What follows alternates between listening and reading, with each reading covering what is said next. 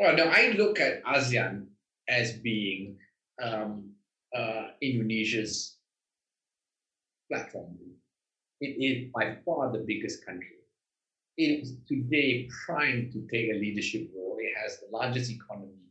It has pretty stable democracy. It has quite strong institutions. ASEAN Secretariat is already there. But unfortunately, I don't get a sense that Indonesia is very committed to ASEAN. Inilah Endgame. Amid political turmoil, Datuk Sri Nazir Razak pleaded for a new system for his country, a significant reform which will make a clear separation between the economy, government, and politics. Today, we're having a conversation with Nazir Razak about his vision of creating a better Malaysia. His idea to establish a national consultative council, just like in the 70s, still is relevant to Malaysia's current condition. And will this result in a newer economic policy that would benefit his beloved nation? Nazir led CIMB Bank as chairman from 2014 to 2018 and as group CEO from 1999 to 2014. As Group CEO of CIMB, he spearheaded CIMB's transformation from a local investment bank to the fifth largest universal bank in ASEAN, the largest Asia Pacific based investment bank, and a world leader in Islamic finance. He has received some of the most prestigious awards from international journals and institutions as a banker and a corporate leader. He's also recognized as a passionate advocate of ASEAN through his achievements at CIMB founding the ASEAN Business Club and the World Economic Forum ASEAN Regional Strategy Group's inaugural chairmanship. Nazir is currently a visiting fellow at the Blavatnik School of Government, University of Oxford. Also, for those of you listening to this podcast for the first time, Endgame is an Indonesia based podcast presented by the School of Government and Public Policy Indonesia and produced by Vicinema. Enjoy this episode. Hi, Jay. Hi. Thanks for coming on to our show. Pleasure. Hey, I, I, I want to start off with uh, asking a little bit about your background. Uh, you want to talk about how you grew up and and you know academically and how you got into the profession of banking and and how you've seen the two countries of Malaysia and Indonesia, you know, growing in the past few decades. Please. That's a long, long question. It's like my life story. the, the, idea is for me to ask a simple question and you give us the long answer. no, no, I had a, a, a rather unusual um, uh, early upbringing. I mean, I, my, as you mentioned, my father was the uh, uh, prime minister then. Um, right. When, when I was born, he was deputy prime minister, and then he became uh, prime minister in 1971. Uh, and so until uh, I was nine, um, I was sort of, you know, uh, PM son for most of it. And that was rather unusual upbringing. You kind of living in this humongous government mansion and you had uh, everything you you you uh, you want uh, within seconds and stuff. Um, then, when I was nine, my my, my father passed away rather suddenly at right. the age of fifty three um, and um, um, that kind of uh, took me uh, by uh, by shock, uh, leaving my mother and five relatively young sons uh, to look after. Um, um, then about a few years later, when I was 13, I was sent off to boarding school. That was the kind of SOP uh, of the family because my, my father felt that if we stayed in Malaysia, we would be spoiled as PM son. And so I had this uh, um, sudden shock of arriving in uh, uh, the north of England uh, at right. the age of 13 um, and not knowing a great deal. Uh, and at that time, the school also had very few foreigners. Uh, so I was really the kind of outsider or the, the I defined diversity at this very old British institution. Uh, spent five years there, uh, and then um, I went to university. Uh, I did my um, undergraduate at Bristol um, in economics and politics. Then I went to do a postgraduate at Cambridge, uh, also in uh, economics and politics, but focusing on uh, developing countries. Then at that time, um, you know, Cambridge was a very left-wing place. You know, Uh, we believed that uh, uh, everything state was good. Uh, you know, everything to do with just redistribution was good, and so on and so forth. So I kind of thought I'd go back and and join government and serve the people. Wow. but then I arrived home, and my brothers told me, you know, government service isn't what it used to be. Uh, and this was the early 80s. Uh, sorry, sorry, this was the late 80s. And uh, Mahathir had uh, essentially um, kind of pushed aside the civil service to some extent, and it was the era of the private sector. Uh, so you know, don't go into government, but go into private sector where everybody's going. And and and and and, and so I looked around. I I said, okay, look, join. Uh, I'll join banking uh, for a couple of years. The idea was go into banking and uh, learn a bit about finance and the corporate sector, and then uh, go into business. Uh, so the plan was to join banking for two to three years. I stayed for 29. Wow. Um, it became my it became my calling. I, I, guess I was quite good at it, uh, and I loved it. And I guess I joined uh, a company which which which suited me. Yeah? So I guess the rest is history. The rest is the, the kind of history of CIMB. Talk talk about how you expanded uh, CIMB yeah. to what it is today. I mean, you know, uh, it's it's tough to find anybody who thinks that you had no part in uh, the large expansion of the footprint of CIMB, particularly in the context of ASEAN, over you know the last 29 years. Yeah, so the uh, when I joined CIMB, we were a small shop. I was employee right. number nine. Wow. Uh, and we were a kind of mid-sized merchant bank, they used to call it in Malaysia. Uh, and I actually applied to the, the, the, kind of big boys, the top dogs, uh, and got offers, but I decided to join, join the small shop because I, I enjoyed the idea of being a bit of an outsider. Um, I enjoyed the idea of, you know, being the challenger uh, business. Right um, reminded me of you know the way things were at school. I was always the outsider, uh, fighting the system. Uh, reminded me of being my childhood, being the youngest and fighting the system that made me laugh uh, and stuff like that. So, um, and I joined CIMB. Um, uh, I joined in corporate finance, as you know, those days.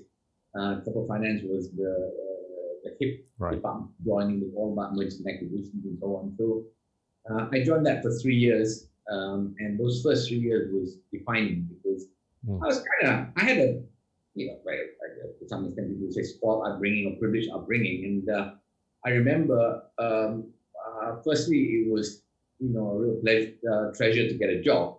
Mm. Um, at that time, there weren't so many jobs around. And uh, uh, we worked very, very hard. Uh, and I remember my first piece of work was a kind of two inch book, which was a submission to the regulatory authority so that it could take the company public.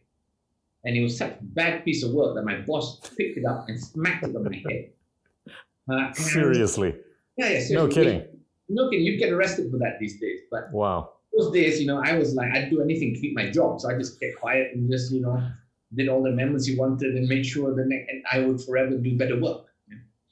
Um, and, you know, he was such a workaholic that you could only, you know, he spent all his time with clients. So you could only meet him at 10 p.m. to 11 p.m. at night. Okay. I had to work those hours every day, at hmm. least. You know, so it was, it was grueling. Um, but you know, we were the challengers, and somehow or other, we were a small merchant bank that did extremely well in IPOs. Uh, and we won the IPO of Tenaga Nasional, which was the national right. electric utility, and that was a huge IPO uh, in 1992, uh, and that kind of changed the whole um, uh, profile of CIMB. Uh, it became the first global uh, IPO from Malaysia. Um, so you know, I was the first one to do an IPO roadshow. Right. stuff like that. It was it was a really thrilling. But how big, how big was the IPO at that time? It was uh, 3.2 billion ringgit. Wow, that's huge. It was big at that and time. Yeah. So the domestic market couldn't mm. couldn't absorb, so we had to do an international roadshow. Uh, and because it was such a hot deal that all the global banks wanted a piece of the action, so right. it became nice to me because I was running the deal. Uh, so I managed to look at you know how global investment banks is structured. I went to New York, Hong Kong, and sort of looked at their offices, etc. And then I decided, look, you know, I, I you know, I, I, I understand this, and I want to be an investment banker.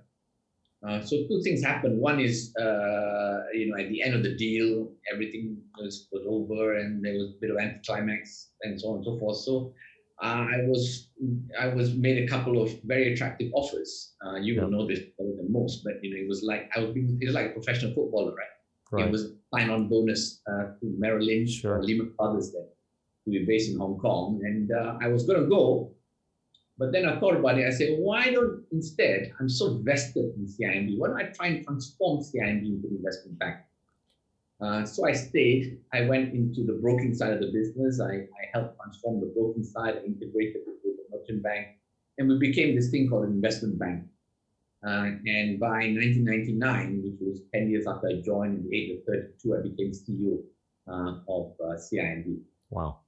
Uh, and um, then those days, in 1999, you remember, was the Asian financial crisis. Sure. And what CIMB did was, you know, whereas most companies made a lot of money in uh, stock broking and equities in the early 1990s, uh, they reinvested more into the equities business. We took the profits and invested it into a new business called fixed income. So during the Asian financial crisis, we were actually the only bank that was prepared to intermediate the ringgit bond markets. Uh, so when the government needed to raise bonds or corporates needed to uh, exchange uh, loans into fixed income, uh, there was only CIMB that was uh, kind of structured um, or able to do it. Uh, so CIMB went into the crisis as a sort of top four uh, in- uh, investment bank, came out of the crisis as number one by a long shot. Um, and uh, um, we did that What, very what, what differentiated was was with the fixed income business the only thing that differentiated you from the other banks at that time? Uh, more or less. I mean, we were already quite good at IPOs. Okay. Um, many IPOs, uh, equities, but you know, fixed income was the thing. I mean, the, the ringgit bond market Yeah. was, uh, grew exponentially. Uh, Okay. And bonds, of course, is not just um, uh, uh, uh, IPOs, right? Bonds were also about trading. So we became good at it because we used our balance sheet and we were making markets in bonds and we made tons of money. Wow. So then, um, you know, after the crisis, we were country number one and decided that, you know, to, to kind of take it further, I really needed to IPO the bank. Uh, and this was in uh, early 2002 uh, when we decided to uh, uh, take CIMB public. Uh, it was quite a, um, a radical decision because our parent company was already listed. So people say, you know, why do you want to list a subsidiary? But, you know, I wanted to differentiate the brand for CIMB. Uh, and of course, as part of the IPO, um, I also asked that I be um, awarded some options on the stock. uh, and, uh, uh, you know, they said fine. So I got some op- five options on 5% of the company at uh, uh, IPO price, and I took it public. Okay. Uh, it wasn't a great IPO to start with. Um, and Well, then, it's it's a long view that matters, right?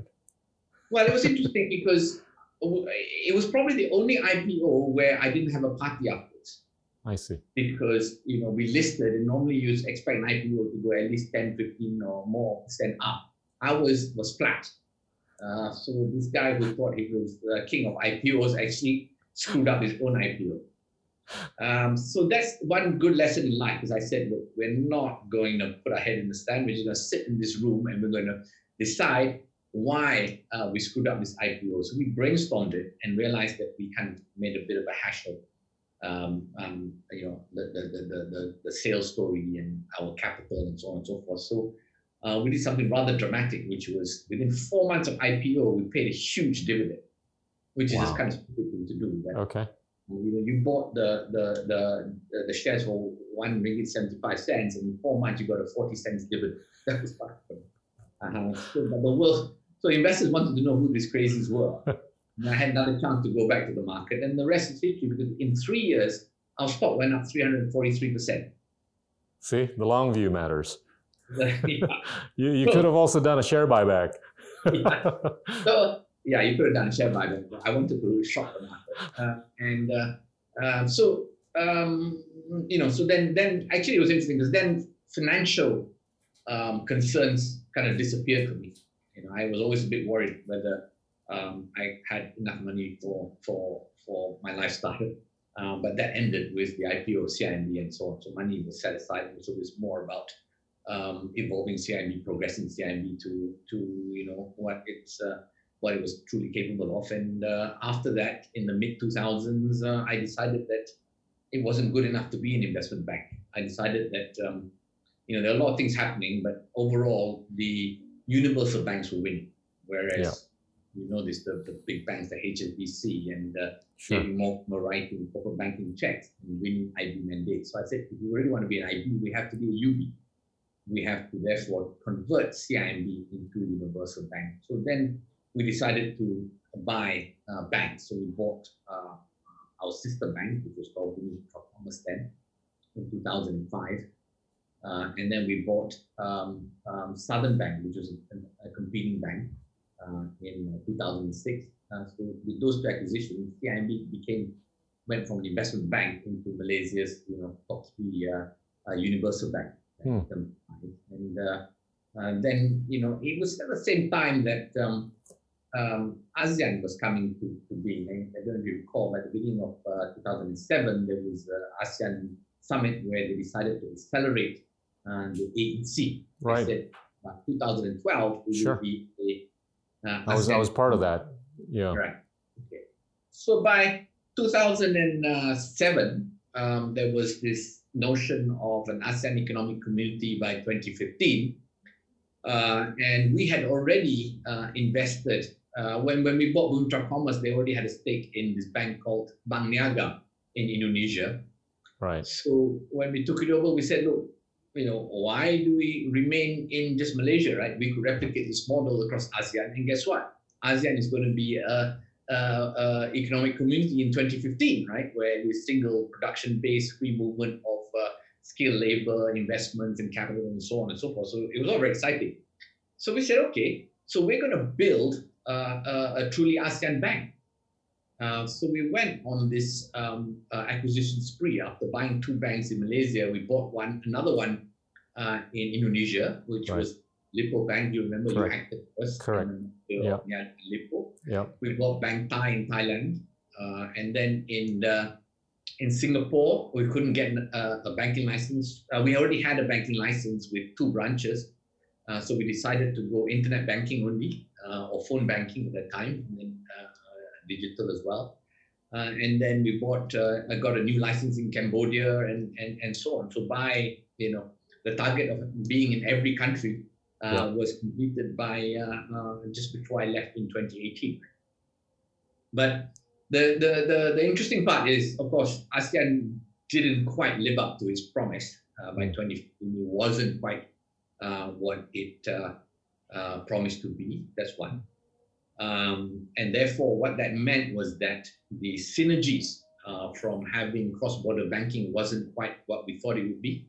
Uh, like in Indonesia, we couldn't move people, we couldn't outsource uh, IT and so on and so on. So a lot of the, the value of uh, um, uh, synergies wasn't quite there. Um, and um, the other thing that transpired was the global financial crisis, which led to the re-regulation of banks. Yeah. So and then it became, um, you know, uh, too demanding in terms of capital. So there was some strains on our balance sheet because of all these uh, factors uh, at the time. but you know, I I would never even think of doing it otherwise. It was a tremendous experience. Yeah. building Hell of an experience. You know, we we we we we, you know, we, we are we, we became uh, the fifth largest bank uh, in terms of assets. But you know, to me, it was about the people. It was about meeting people. It was about uh, running the experience of building a franchise in Indonesia. I mean, Indonesia was, you know, I, I saw it all. You know. When we wanted to buy, first wanted to buy Bank Niaga, uh, and I was the at that time an investment banker acting for for Commerce. Uh, it was 1999, coming out of the Asian financial crisis. Right uh, we went to uh, IBRA. IBRA. Uh, and I met uh, the um, president commissioner then, uh, or, or, chairman then, which was uh, Glenn Yusuf. Correct. our mutual friend. Our mutual friend. And it took, it's only five press comms later that we finally got approval to buy Niaga. um, you know, the community was going through this tremendous period of uh, uh, change and uh, yeah. uncertainty. And it was very interesting because at the time when we first were trying to buy Bank Niaga, I remember meeting someone who said, look, you know, I can help you buy the banks. I said, really? So I went to see him and he said, yeah. You know, and he was having this conversation with me. He goes, Indonesia's problem, it is very, very corrupt. But, you know, and all these people who are corrupt should go to jail. But by the way, if you want to buy Bank Niaga, I can help you if you pay me a bit of money. he, gave me the spiel without pausing. I was quite astonished. but I you know I learned my lesson that you know in the end of the day, one thing you must never do, especially in uh, in, in, in, regionalizing business, is, is, is, play that game because you know the foreigner is always the one who gets caught, right? so we never touch any of that stuff. Uh, right. But we were still successful. And oh, you pulled through. You pulled it off. Through, but you know, it was scary because when we, I remember IBRA telling me, "You better make a good bid because it's a very competitive situation." So I said, "Okay." So we made a very good bid in terms of valuation and all that. I mean, we, we paid one and a half times book, which of right. course now sounds cheap, but at the time, you know, uh, it was aggressive. Yep. Uh, and oh, I remember yeah. IBRA calling me up and said, "You've been shortlisted you are successful. So I was so happy. And I said, you know, oh, who's on the shortlist?" He said, uh, nobody else, it's just you. so I was like, oh, you mean it's, it's a very short list. yeah. so then I got, I, I, I, got scared. I said, what do everybody, what does everyone know that I don't? And of course, when we announced it, our stock got hammered 25%.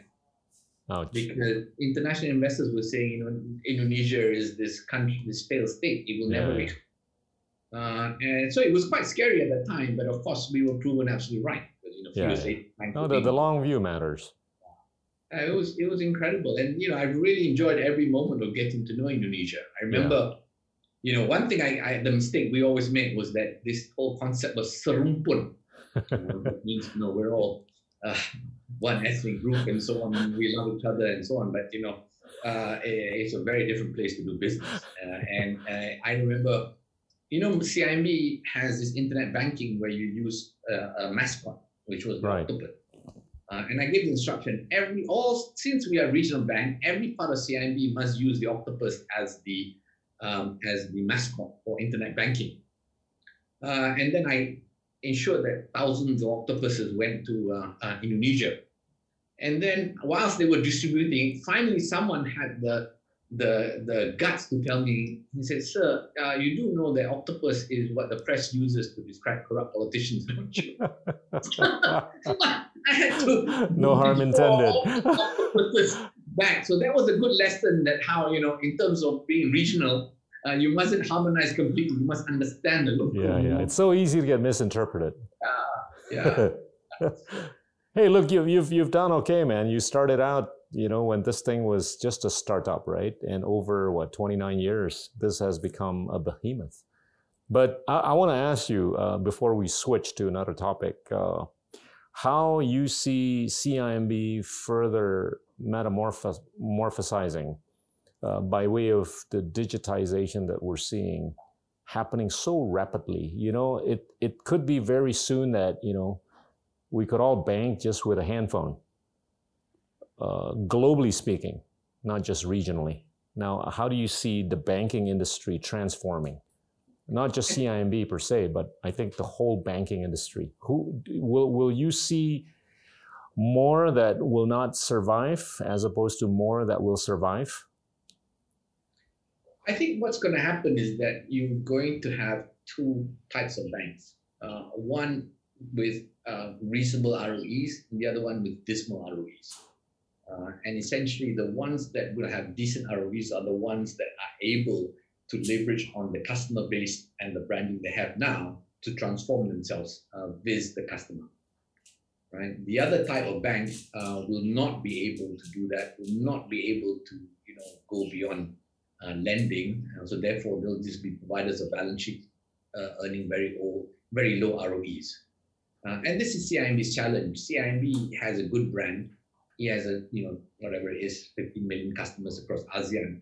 It has to transform into a digital bank, and it's very very difficult to do it within the bank itself. I mean, I I, I tried it and it was tough because you know your um, legacy bankers, your retail bankers sure. will um, you know, will uh, kind of put barriers, and they Sure. don't do it any malintent. It's just the Sure. way they are and doing things. Yeah. Uh, then you have these young guys trying to start a digital bank to do things differently, and then they get blocked all the way. Uh, and so, you know, I always think that for banks to, to really be successful with this transformation, they really have to do it offline, to Yeah. create digital bank offline, uh, and you know, create the entrepreneurial spirit, uh, and then kind of reverse it back into the main organization. I agree. I agree. All right. Uh, enough of banking. Uh, you know, a lot of people don't know that you're actually the descendant of Sultan Hasanuddin, right? Who was born in the 17th century. Talk talk a little bit about that historical perspective of yours. Yes, uh, Bugis heritage. Um, Yeah. In 1722, I Yeah. think it was the grand uh, child of Sultan Hasanuddin. Yeah. Uh, and the Bugis seated. Sultan Hasanuddin was born in 1631, I believe. So the grandson of Sultan Hasanuddin. Yeah. Okay. And the grandson or granddaughter, we're not sure, but jumped on a boat. and then. So we had a boat in the 18th century. We had a lot of boats, yeah. Uh, and roamed the east coast of Malaysia and landed in um, Pahang on the east coast in a village and settled in the village that would eventually be called Kampung Makassar and it still exists today. Yeah, so there's a Kampung Makassar where, where uh, they settled and this family uh, integrated into the local community and actually became uh, sort of uh, what they call orang kayas or chieftains around the um, Well, around the, in, this part of the world, it means rich man. yeah, well, in Malaysia, it's sort of uh, and uh, I don't think they had much money, but they were chiefs. Uh, there were four main orang kayas around the Sultan Okay. of Pahang those days, uh, and it was semi-hereditary. So unless you were badly behaved, you would get it. You were the eldest son. Um, so over the uh, next two, three centuries, um, my family uh, were the orang kayas. Uh, and this meant we were kind of, you know, sort of the administrators and so on of, of, of the Malay community in Pahang. Okay. And that meant that by, um, you know, the late uh, 19th century during the British uh, uh, administration, my, father, my grandfather and so on were actually educated in, um, you know, in Malay College, which is kind of uh, the boarding school based on the British model that trained future administrators. Okay. Uh, my, fa- my father also did the same thing, and that kind of put them in, in good place to rise up the administrative, the administrative structure, um, which eventually then uh, was a platform for him to go into politics. And uh, you know, we we we we we do connect back to our um, uh, lineage. I, I went to Gowa uh, to uh, visit uh, the uh, makam of. Hasanuddin, and uh, interestingly, when you know they heard I was arriving through the CIMB Niaga branch. Um, my long lost cousins, which is the crown prince, uh, invited me over to the palace. Wow. Uh, I was thrilled, so I went there. And pre- presumably he was a CIMB customer. He was a CIMB customer. Okay.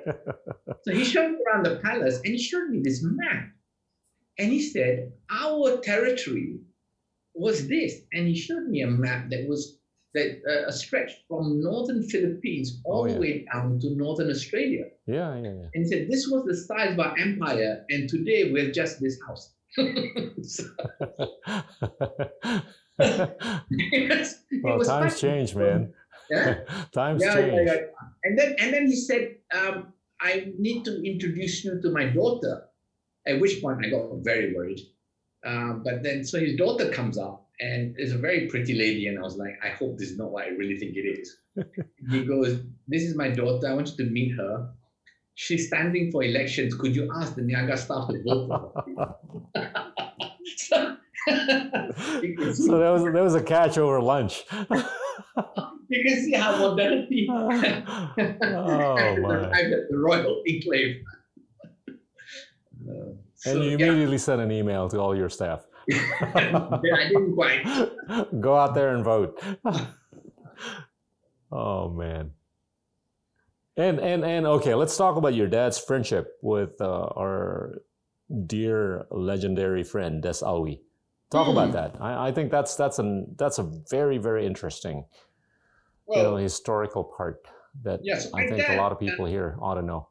After the war, um, he then you know his his studies was was interrupted by the war when he then you know he he he first worked he first worked for the Japanese and then he was part of the uh, resistance force and so on. But his studies were were interrupted, and then after the war he applied for a scholarship and he went to London. In London, he was uh, politically quite active uh, in the Malaysian uh, uh, student society there, or Malay student society. Uh, he was in the same batch as Lee Kuan Yew and um, and others. Uh, and in Malaysian case, it was Tunku Rahman, who was our first prime minister, was his good buddy. Right. Uh, and it turns out that his best friend at that time was Indonesian. He hung around with the Indonesian group, uh, and his best friend was Des Alwi. And through Des, um, I understand that they organized a lot of events for the uh, initially uh, in, in kind of sympathy with uh, the Indonesian um, independence movement. And I know he met with is it Sutan Syahrir? Sutan Syahrir, yeah. Yeah, he, met, so he definitely Not a legend, yeah. Yeah. Uh, and I know he traveled to Brussels with Des Alwi, and in fact, they went on a uh, European road trip uh, together, and they form a very strong friendship, uh, which continued. And interestingly, it then became a very important um, means for which uh, he negotiated peace uh, with Indonesia during the konfrontasi, konfrontasi. Mm-hmm. in uh, 1960. Uh, there was even a famous um, incident where Des Alwi organized for um, the the the teams from Indonesia and Malaysia, Malaya or Malaysia then right. uh, to, in Bangkok. And for the meeting, I understand the Indonesian delegation had to wear Garuda uniforms uh, to disguise uh, themselves for the meeting. Uh, and of course, you know, there's then, I think, ne- negotiated with um, uh, Suharto as um, the, uh, there was a regime change in right. East. Uh, and then together with um, Adam Malik, yeah. um, on the sign. The Not a legend, yeah. Peace treaty. And of course, uh, those two also came together again um, in the Bangkok Declaration in '67, mm. uh, formation of ASEAN. Wow, the five countries, right? Yeah, yeah. You know, Des Alwi has a has a famous uh, place to visit in the Bandas, you know, which which has been visited by many royalties around the world and visitors from all over the world. So he's he's done wonders for the country. Yeah. So uh, okay, let's let's jump into uh, your country, man. You want to talk about your country? what's going on, man? As as a layman like me, what what's the best way to better understand what's going on in Malaysia right now and what to expect uh, of Malaysia going forward? Well, Malaysia is going through a um, transition period, I suppose uh, you could call it, from uh, 63 years of leadership or government by one party. Right. Um, then you had a change in, in, in ruling party, uh, and that new ruling party, which was called Pakatan Harapan, fell after 20 months. Uh, and now you have another coalition called Perikatan Nasional, which includes the old Barisan uh, um, in there. Uh, and they are now ruling. But you know, it's a bit more complex than that. Um, in you know, I have a like slightly you know unique perspective uh, of all this. You know, I believe that uh, um, developing countries we don't know or we never knew or our founding fathers never knew what was right for the society for um, the times and so on and so forth. So we just took on a system at independence. And in Malaysia's case, because we were a British colony, we took on the Westminster system. There was no other reason. Right. And that Westminster system um, didn't work. You know, at the first hurdle, which was the May 1969 um, elections, uh, it uh, fell. You know, uh, there was an outbreak of race riots uh, then, uh, and we we had an emergency rule Uh, I say it fell its first hurdle because the earlier elections, you kind of caught up in this euphoria of uh, nationalism, this uh, um, independence, and then it was konfrontasi with Indonesia and so on. So 69, it, it, it broke down, and we had emergency rule uh, for 20 odd months. And that's when uh, my father uh, ascended to the PMship. Uh, my father was uh, became more or less a dictator uh, after the May 30th riot. They, they, named him director of the National Operations Council, which by which he ruled by decree. Hmm. and during that time, you know, he felt that he needed checks and balances, so he set up what he called the National Consultative Committee right. uh, Council, and, and, that council, or NCC as I call it, um, that council essentially also um, was engaged in order to um, institute reforms, right, that were necessary uh, to the system. Right. So basically, democracy in the Westminster uh, way um, uh, had to be tweaked uh, for our plural society and so on. So they came up with a, a few innovations, including um, the uh, national principles or Rukun Negara, which I think mm. is based on the Pancasila to some extent. Mm. Interesting. Um, then they came up with uh, the new economic policy, which is affirmative action in favor of the Bumiputra of Pribumi. Mm. Uh, and they also um, came up with some sedition laws where you could not question certain things like um, um, um the, the, the, role of the monarchy and uh, religion and so on and so forth. Okay. Uh, and they also came up with this you know, Barisan Nasional, which is essentially a grand coalition of parties, and right. therefore uh, minimizing uh, political tension uh, at a time when politics was purely about identity. It was all about identity, and you know, every and the the, the 69 elections, it was the the the narrative. You know, every campaign was about uh, my my race versus your race. You know? Yeah, it's coming back nowadays. Yeah, unfortunately, uh, but yeah but you know, Malaysia decided to tweak the system, but that system, which includes affirmative action in favor of uh, Malays uh, to to, to uh, greater extent than had been previously. Uh, I just wanted to qualify that the British introduced affirmative action in the first instance in 1912, so it wasn't I see. then. Okay. Uh, but it, what the NEP did was it kind of sanctioned that we would use the state to accelerate uh, redistribution of, wealth between the races. What is often forgotten is the, the designers of the NEP felt that you needed to redistribute wealth in order to have the foundations for national unity. Mm. It hmm. sounds a bit uh, uh, contradictory, but it was felt that you couldn't unify the nation at a time when the Malays, that constitute sort of, you know, over 50% of the population, had 2% of corporate wealth.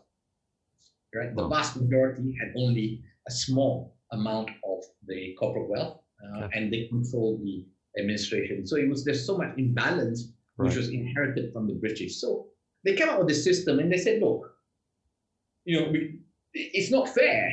So this system can only last for 20 years. So the new economic policy was set for 20 years and then mm. should be visited. Unfortunately, this system creates a lot of vested interest. Sure. Uh, and a lot of uh, government intervention into the economy and so on and so forth. And and it, you know it, it kind of birthed a lot of um, um, kind of negative behavior, uh, if you like to put it mildly. Yeah. Such that it was very difficult uh, to remove the system, uh, and the once you're in power, you kind of enjoy it because you you basically control everything. You control government companies, you control uh, distribution of resources, etc., etc. So um, this new economic policy remains in place after 50 years. Right? My father and his gang thought it should only be around for 20 years. It's still here after 50 years, and it's morphed. It's been abused, uh, and um, uh, it needs to be revamped. And it is also the reason why politics in Malaysia has become somewhat dysfunctional. I see. and uh, it's also the reason why um, the institutions have become weak. Um, so, uh, if I reflect back, maybe, maybe one could argue that um, the problem was when the Asian financial crisis came, unlike Indonesia, we insulated ourselves. So there was not political change. We had reform in the corporate sector, yeah. Um, but there was not reform in um, the in politics. Uh, and because the political system continued, actually the reforms in the in the corporate sector also faded away. You know, in terms of governance and uh, um, um, behavior of government companies and so on, that kind of faded after a few years. Um, whereas if I reflect on Indonesia, yes, you went through a torrid time in the early 2000s, yeah. uh, but today you're one of the most stable democracies in the world. Yeah. And I look at the independence of your institution. Yeah, it's not perfect, um, but yeah. you know, uh, it does a pretty good job uh, in you know uh, diminishing corruption and so on and so forth. So, you know, that's that's that's where I think you know we are still missing. The system doesn't work, and we can't figure out a way of um, uh, reforming it uh, holistically. So I spent a year in Oxford um, in 2019 to study. Um, what I call nation recalibration, how nations need, I think, developing nations often need to go through this renewal process over mm. time. The system, right. you know, is, is, is, is, has too much, too many weaknesses. And, you know, unfortunately, many, uh, in most situations, you do need a breakdown before you actually turn to holistic reform. Uh, you saw that in apartheid, you saw that in the Asian Panda crisis in Indonesia, um, and so on. And, and, and Malaysians uh, are generally not hungry enough to go through uh, uh, such such situations. So, or to demand so much change. So um, I, I, I, am now you know, kind of trying to advocate this national recalibration from Malaysia. I have gone public to say that we need another, a second National Consultative Council like we did in 1970.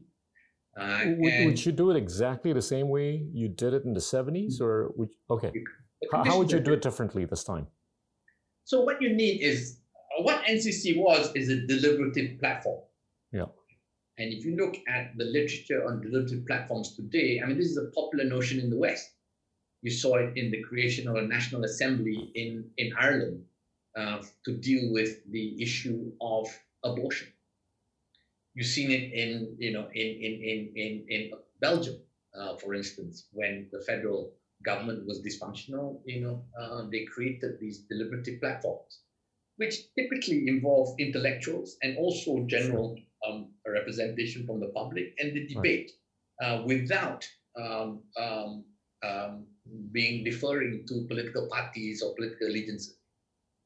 And if you, if you take that thought further, Hmm. It is very difficult for parliament of elected representatives to deal with long-term structural issues. People don't vote for what they voted, but I agree. Vote, people vote for what the party whip tells them to do. Yeah. So I can deal with issues that are, you know, around the corner, you know, are, mm. kind of current, yeah, and um, you know, position me for the next election. But I can't deal with long-term structural issues where we talk about the social contract, uh, we talk about the role of religion. We talk about the constitution. These mm. cannot be dealt with by parliament. So my argument is that you know, like then, we just need this platform of the good and the great in Malaysia to debate uh, the best way forward. Of course, you know, conditions are different. Maybe in 1970, the dictator, my father then, could just you know uh, decide or could just decree the setup of this committee and who, who was on the committee. Today, we may need um, the Rulers Council, uh, for instance, to do it instead of the executive. I don't know. But these are some of the things to consider. Um, but net net, you need a very credible um, um representation. Yeah. Yeah. what, what are what are the risks of this thing getting deplatformed, or the well, risk that this thing has no accountability or has no grip with decision makers in the country? Well, you know, you, it could go wrong. You could have the deliberative platform, and then it presents uh, uh, a set of proposals to Parliament, which is then rejected, and it, that could happen. Right. Uh, but um, you know, that's why the credibility of this platform is important. I see.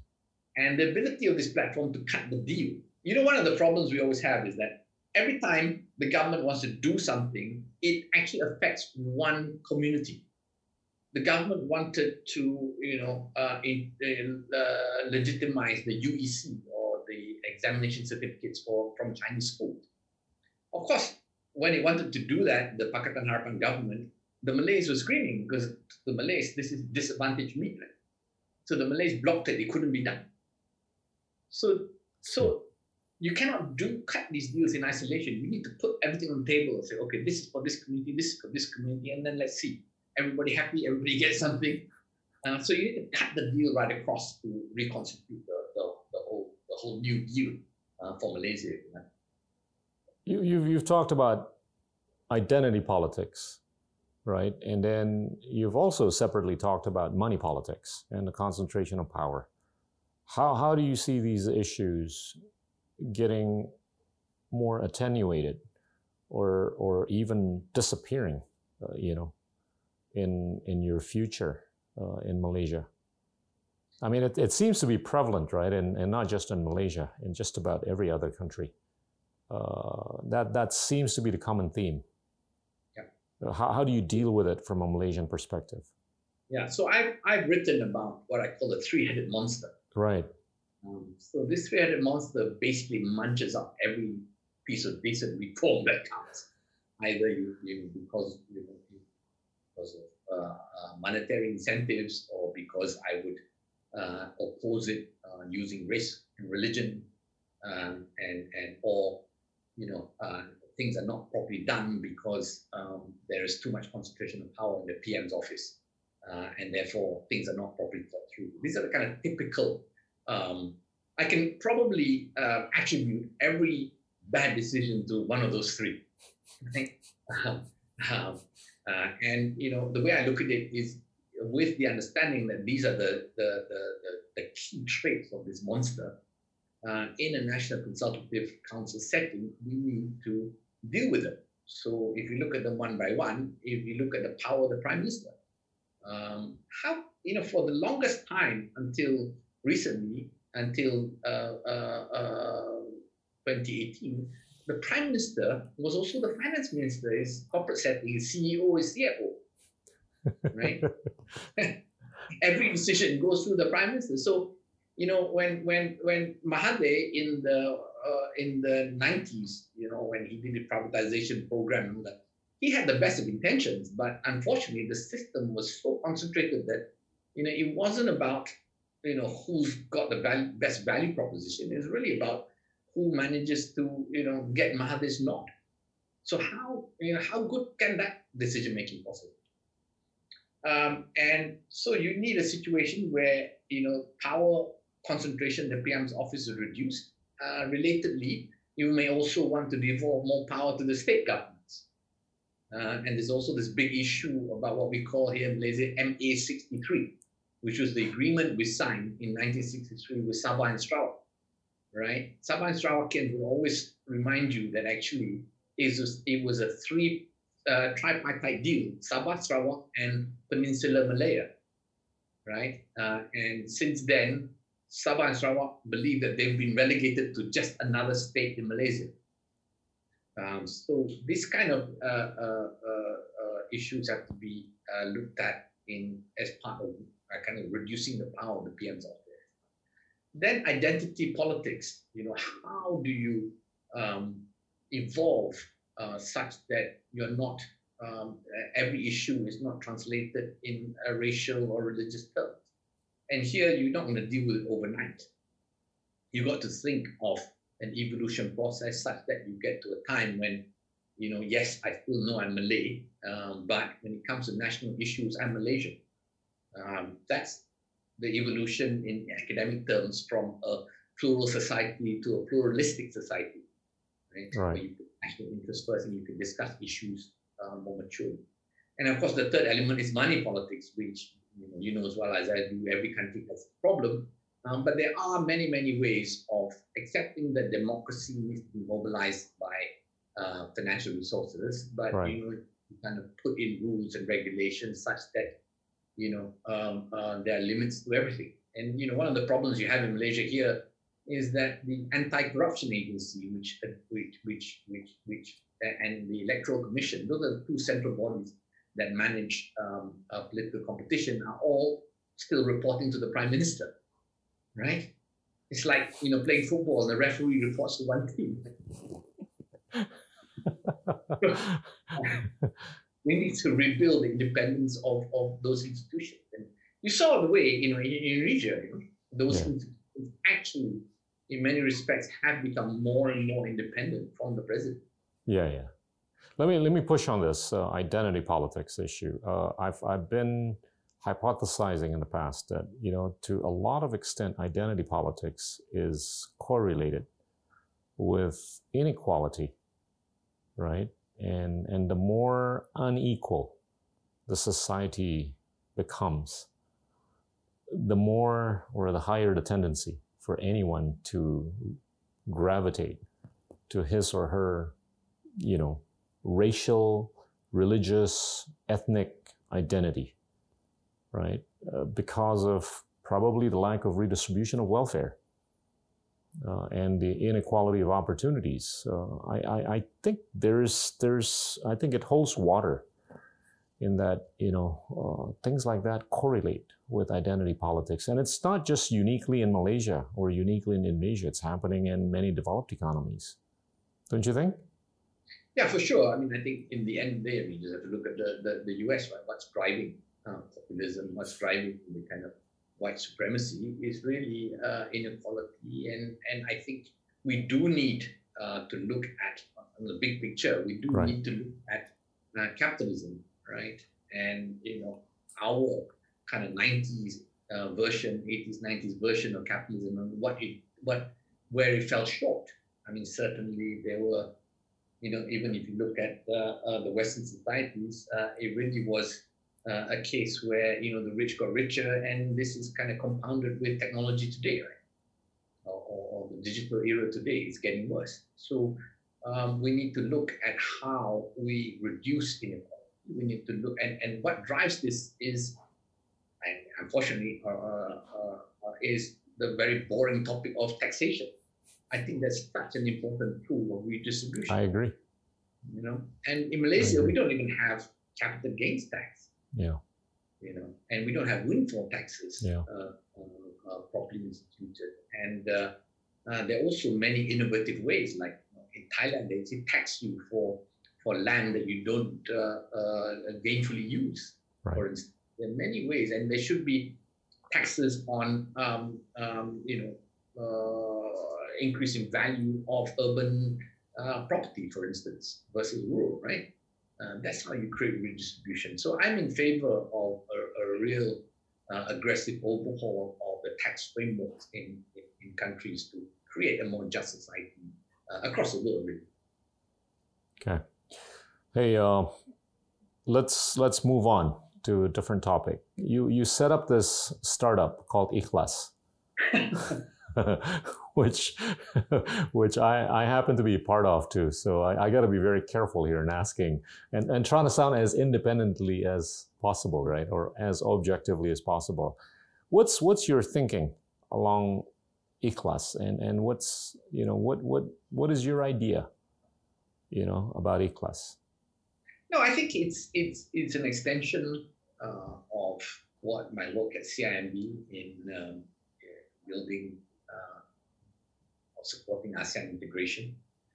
I think if we look at banking re-regulation today, banks have become more constrained, uh, uh, more conservative, uh, and I think there's a vacuum. Um, and um, private equity can can fill that role. When I started um, in this business, we were called merchant banks, and part of merchant banking was also uh, giving loans, but also taking equity stakes in companies to help them. And I think the platform that can do that today is the private equity platform. And uh, our private equity platform uh, is quite unique in some ways. You know, we don't take control of companies. Um, we support entrepreneurs uh, and we build value together with them. And the typical um, opportunity for us is a, I don't know, Malaysian company who wants to do more business in Indonesia where we come in, we take a stake, we help them expand into Indonesia um, with your network uh, in Indonesia, uh, and we all create value uh, together. that's a, an atypical uh, Ikhlas deal Uh, and I was talking to some of the other private equity guys. It's quite interesting how, you know, we're, we're all called private equity, but our business models are quite different. Uh, and I think we suit a, a, a, really interesting group of entrepreneurs across the region. Uh, and, you know, at this time, we're seeing a lot of opportunities for the kind of partnership model that we offer. Now, with, with COVID uh, having been around for around a year, uh, talk, talk a little bit about some of the opportunities that are on the horizon from, from a PE standpoint. And, and how do you stack up with some of those other VCs that seem to have been a little bit more aggressive or proactive in looking for deals? Uh, I know there, there are different schools of thought, but you know, there, there comes a time when, you know, there is a potential, right, of the two intersecting at some point, and that makes it a little bit more difficult for either. Yeah, no, I mean, our history with COVID is as follows. I think that, you know, the, the, the, in the run up to COVID, we did not know COVID was coming, but we did feel that valuations were quite frothy. Um, so for you know 2019, um, which is our first year, we only did one small deal, uh, which was the acquisition of a five million ringgit stake in a public company in in Malaysia. Um, but we were evaluating a lot of deals, uh, and um, when COVID came, uh, we continued evaluating those deals. But we said to all the entrepreneurs, um, you know, we need to take a step back and relook at, um, you know, what we were uh, contemplating in the context of, you know, a prolonged uh, uh, pandemic, uh, which is actually we thought was real and it is coming reality now. Uh, obviously, at some point, um, this kind of divergence in view, uh, entrepreneurs always think that, you know, um, their business is great and they don't suffer so much uh, we basically hold back. At some point, uh, the two shall meet, I think, uh, and we can close uh, these deals. Um, and uh, looking at the situation now, um, I think we're almost closing uh, three deals at the same time. Um, you know, where we now have a clearer picture of you know where COVID goes on both sides, and I think that um, the value proposition of Ikhlas um, is such that I think you know the entrepreneurs are now anxious that we come on board and then we ride this COVID recovery uh, together. Now, there's this different theories, right, about how long, how quickly countries are going to get adequately, if not fully, vaccinated. Hmm. Uh, to to some extent, that has bearing on valuations, right, of of companies right? I, I would argue that some countries are probably going to take some years before they all get vaccinated completely. Uh, some others are going to get vaccinated a lot sooner, depending on the you know the readiness of the cold chain infrastructure and the healthcare capabilities. Uh, so how how do you put all that into thinking, you know, uh, for this PE exercise? Well, I think that the conservative side is that the, the kind of herd immunity levels of 70% or so will only be done uh, in, in, most countries in the region by middle of 2021. Okay. That's a um, um, conservative view uh, that we're building. But remember that, you know, we're not going to wait until then uh, in order to get businesses going again. Uh, and many businesses do actually quite well, even in COVID. Uh, yep. Uh, we invested in cold chain business in the Philippines uh, recently, and that business is actually thriving uh, in the COVID environment. Um, we are looking at uh, technology company, um, and um, actually um, they are clearly benefiting uh, from COVID as well. Uh, obviously, healthcare companies have benefited. Um, so, you know, I think with the, the kind of um, line, you know, sort of you know, the end in sight type of scenario that we have now, I think it's possible uh, to converge on valuation. Uh, so I, I don't think it's just us. I think many private equity deals could be done in the next few months, uh, given that there's you know some some cert- reasonable certainty uh, now. Yeah, I've talked about this a few times. So with even with some other guests, uh, you know, in the context of investments, uh, you've, you've expressed to me earlier you were quite concerned with Malaysia's recent ability to attract money, right? Investments. I'm, I'm of the view that Malaysia has been a lot more successful than some others in ASEAN, including Indonesia, Thailand, and the Philippines. But, but to, to put it in a much broader context, right, there's so much liquidity that's floating around. Why, why is it that ASEAN or some members of ASEAN countries just can't get, you know, so much more capital? What, what, what is wrong or what can be done to remedy this situation? I think, you know, particularly for a country like Malaysia. Yeah. If you look at the ASEAN data, the the uh, the UNCTAD data was a little bit uh, disconcerting for us, where the average drop last year in invest FDI in ASEAN was 31%, in Malaysia's was 68%. Yeah. We found that data quite depressing. Uh, and one of the reasons I think is because you know countries like Malaysia, you know, is is is, is um, suffering from new dynamics. Um, in the past, um, we were not competing as much with, say, Vietnam or even Indonesia to that extent. Right. Um, and before that, not even China or India, right? If we talk about the early 1990s. Uh, and on top of that, we have the situation in Malaysia where we have political uncertainty. Now, for ASEAN as a whole, I think what is important is really make it real that we are 600 million plus market. Right.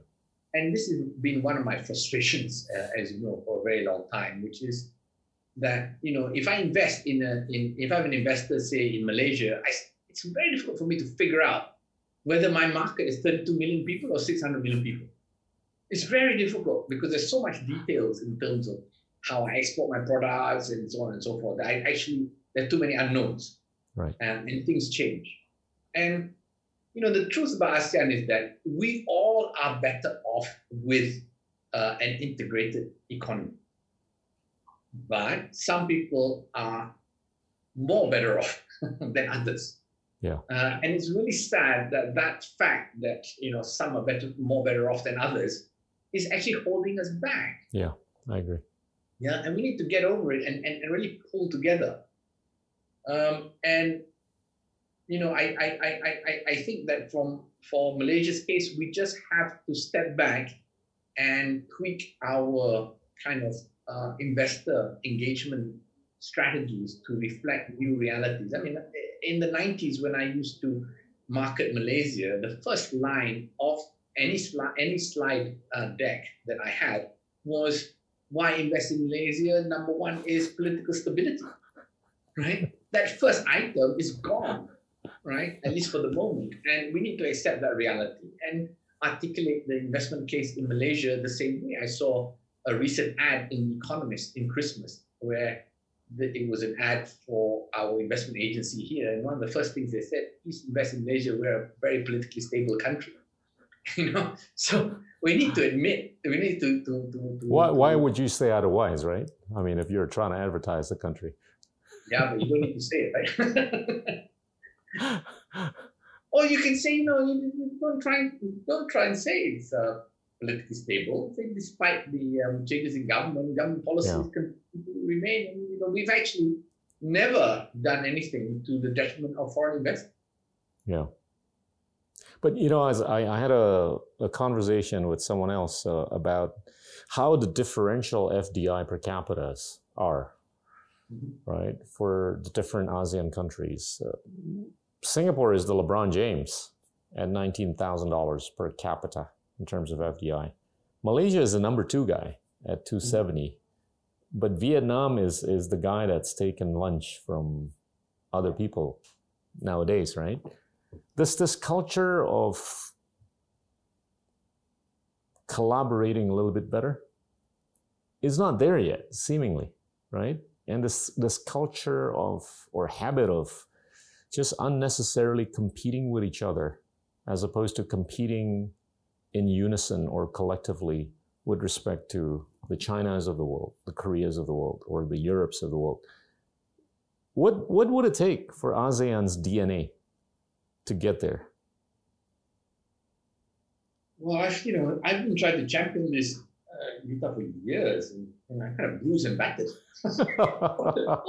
hey, you're the one who wrote the book, man. you can you can talk a lot about this. You know, I mean, I've been pounding my head about this too, but you know, you let's let's take banking. All right, let's go back to banking.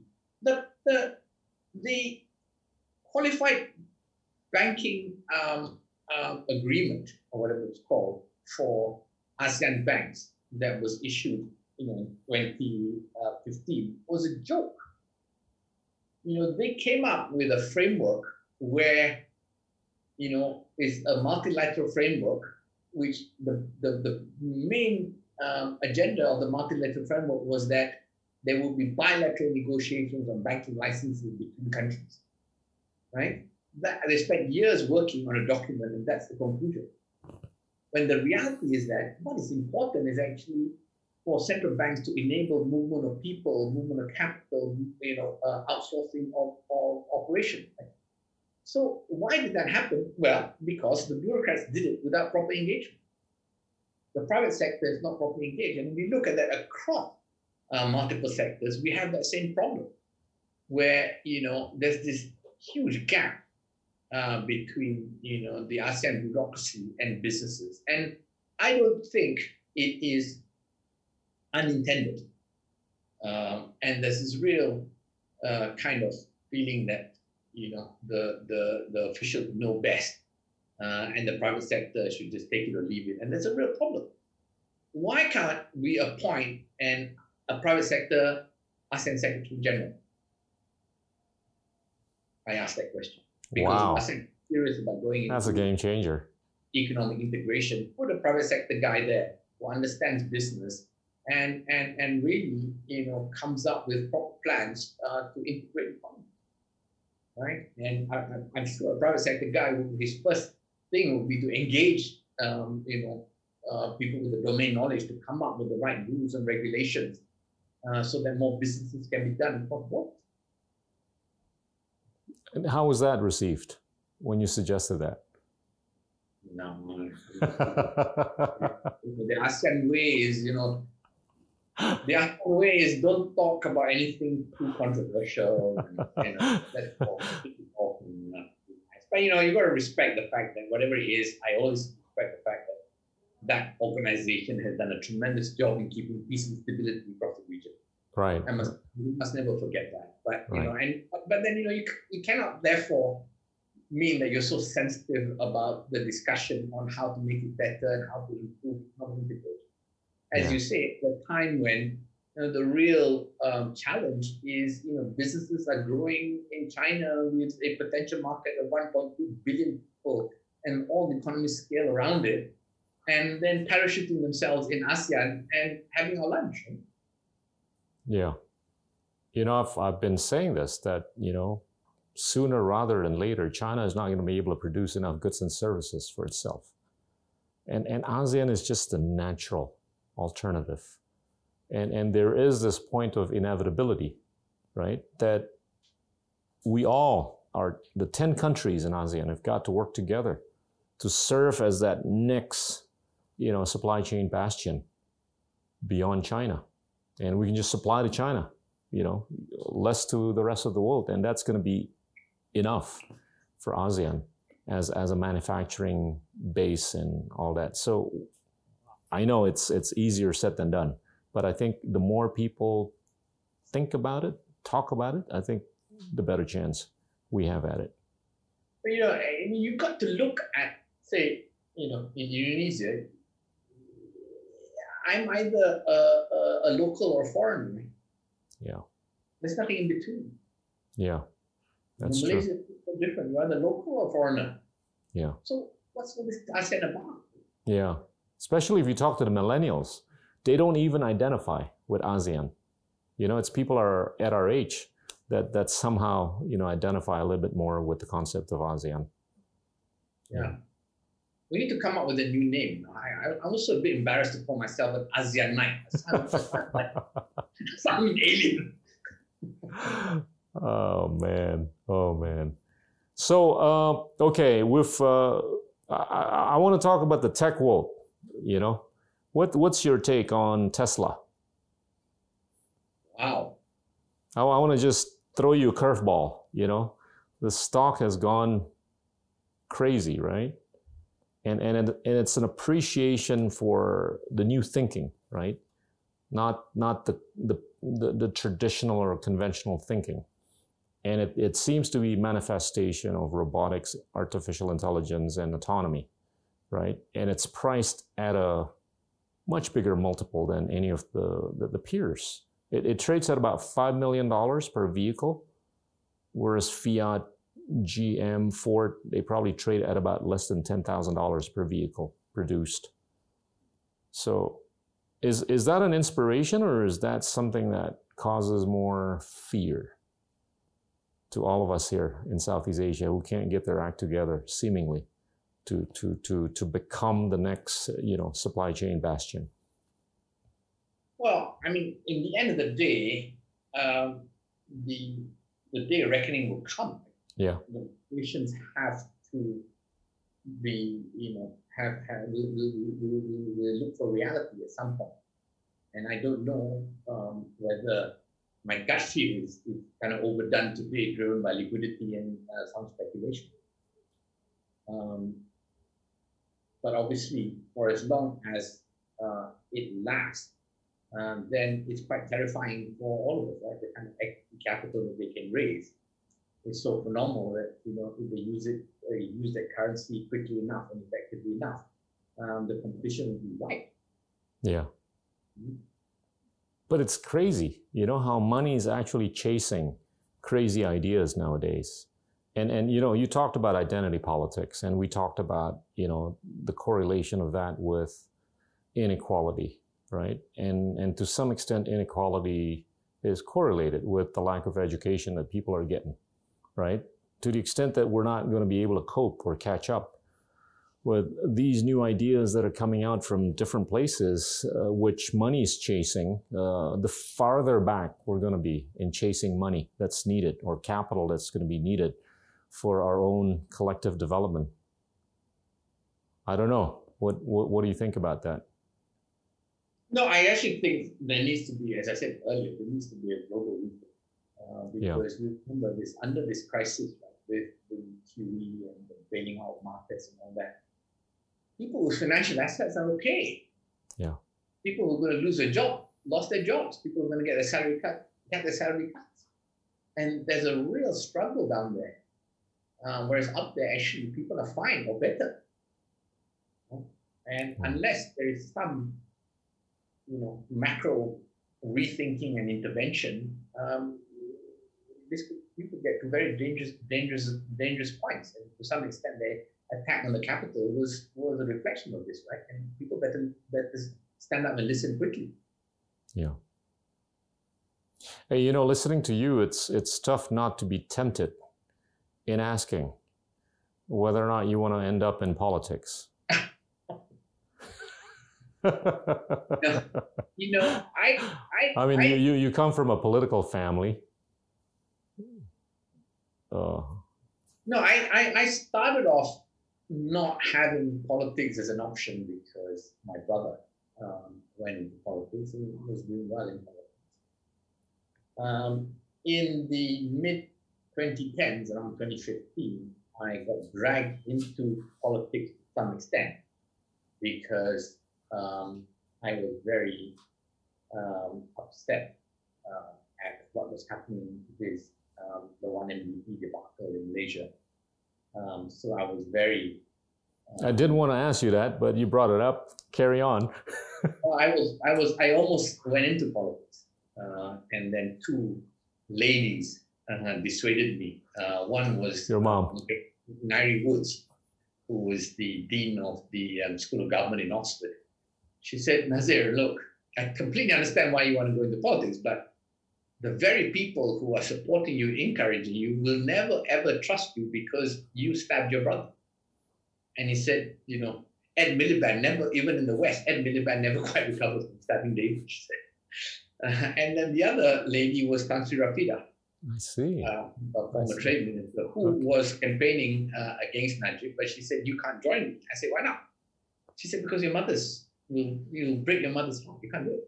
So um, I took that advice and I, you know, uh, I did what I could in terms of voicing my uh, unhappiness, um, but I didn't enter politics.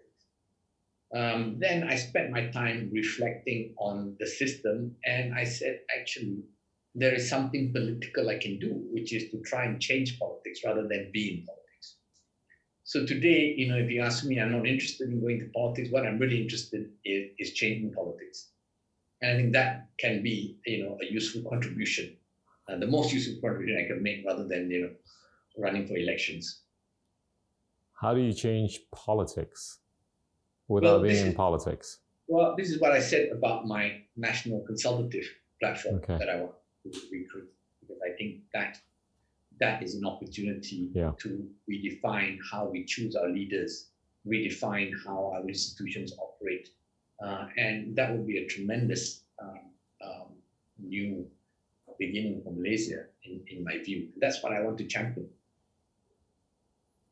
Well, you know, you're still young. I mean, we both did. I I don't want to say we're old, so Uh, yeah, yeah, you know, politics is a function of time, right? Yeah, yeah. but but uh, all right, man. I, I gotta ask you this question, which I forgot to ask you. What what did you do with that pony that you got from Des Alwi? I'm sure some people would like to, you know, hear about it. behind it, I was a 10 year old kid and I, I went to see Des Alwi who at that time was living in, in KL, I had a home in KL. And he decided that, you know, I, I, I, I needed a, a pony. So he gave me a pony without asking my mom. And of course, I was quite spoiled then. I insisted on having it. Um, so I brought the pony back to my house, my mom's house, which was, you know, right in the center of KL. So I had this garden uh, with this huge pony running around. Uh, and I tried my best to play with the pony, but the pony was pretty angry about being in town. Um, so I think the pony almost ran me over. Um, so finally, you know, I, I had to uh, give back this gift uh, to Des, which was very kind of him to, uh, to think about anyway. But that, that was an experience. It, it was getting a little too claustrophobic in your garden. Hey, any, anything else you want to throw at me, man? Anything else you want to talk about? No, no, I'm good. I'm good. I'm good. But you know, the the, the, the, the, the, the main thing I think is the, the, the point you made about you know believing in, in regional integration and how much more we uh, can do together uh, across the region. And we just get kind of, got to get over this hurdle of you know um, just you know all we all must want to be better off. Right. If somebody else amongst us is even more better off, so be it. We're still better off Right. and we can do so much more together if we if we collaborate. Which which country in ASEAN?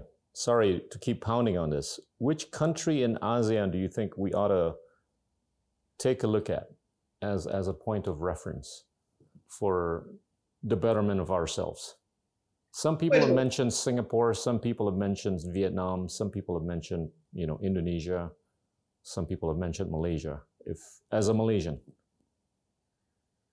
Well, no, I look at ASEAN as being um, uh, Indonesia's platform.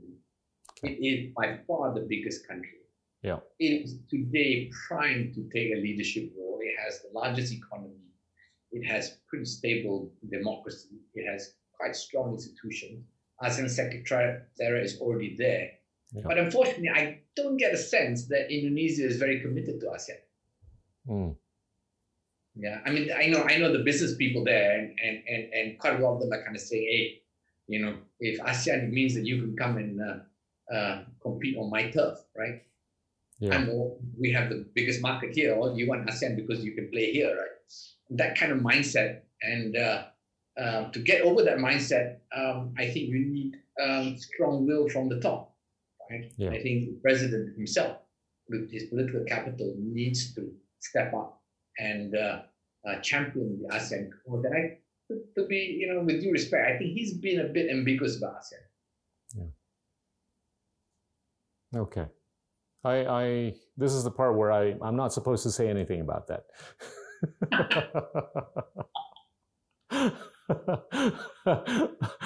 I'm, I'm only supposed to ask you questions. but but it does matter. You know, you ought to you ought to read this book by Marty Natalegawa. I have. Yeah, it's it's a fascinating book. Yeah. You know, it's it's so detailed and it's fascinating. Yeah. Should make him ask ASEAN Secgen. If you can't get a business guy, get Marty. Yeah. I'll I'll I'll ping him and I'll tell him that you you you told me to say that. uh, actually, we're thinking of inviting him over. I think he would be a good you know resource for people to listen to. Hey Jay, thank you so much, man. All right. We've we've, we've spent you know you know 80 minutes, and and it's been a good chat. Are you All sure right. there's there's nothing else you want to say? No, no, I'm good. I'm good. All right. Okay. Thanks. Thank you so Yeah. much. Thank See you so much. Ya. Teman-teman, itulah Nazir Razak. Terima kasih. Inilah Endgame.